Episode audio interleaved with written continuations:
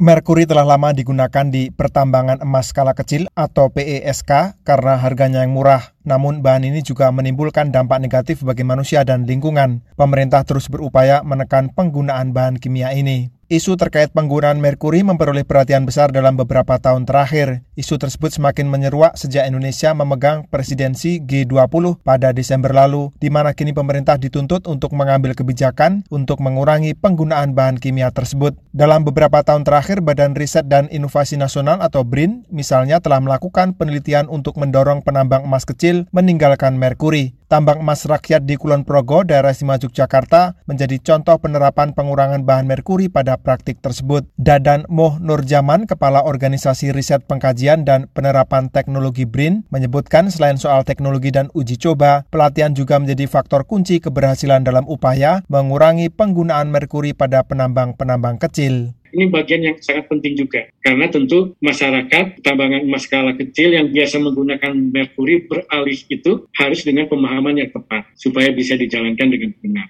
Rosa Vivin Ratnawati, Direktur Jenderal Pengelolaan Sampah, Limbah dan B3, Kementerian Lingkungan Hidup dan Kehutanan mengatakan, salah satu penyebab susahnya penghapusan penggunaan merkuri di antara para penambang skala kecil adalah banyak dari mereka yang beroperasi di daerah terpencil mereka mengeksploitasi cadangan emas marginal yang terletak di daerah terpencil. Terus aksesnya sulit dijangkau, seperti di hutan lindung juga di kawasan konservasi. Nah, parahnya memang kegiatan PESK ini sebagian besar berlangsung secara ilegal. Jadi persoalan kalau dia ilegal, berarti pengawasannya tidak dilakukan. Karena tidak memiliki izin, tambah Rosa, teknologi yang digunakan di PESK sangat sederhana sehingga menurunkan kualitas lingkungan. Kementerian Energi dan Sumber Daya Mineral juga berperan dalam upaya menghapus penggunaan merkuri di usaha tambang, khususnya skala kecil. Ridwan Jamaluddin, Direktur Jenderal Mineral dan Batubara Kementerian Energi dan Sumber Daya Mineral, menyebut upaya yang dapat dilakukan oleh pihaknya antara lain mengawasi dari sisi regulasi. SDM sudah bersama-sama dengan DPR tentu saja membuat Undang-Undang 3 2020 sebagai perubahan Undang-Undang 4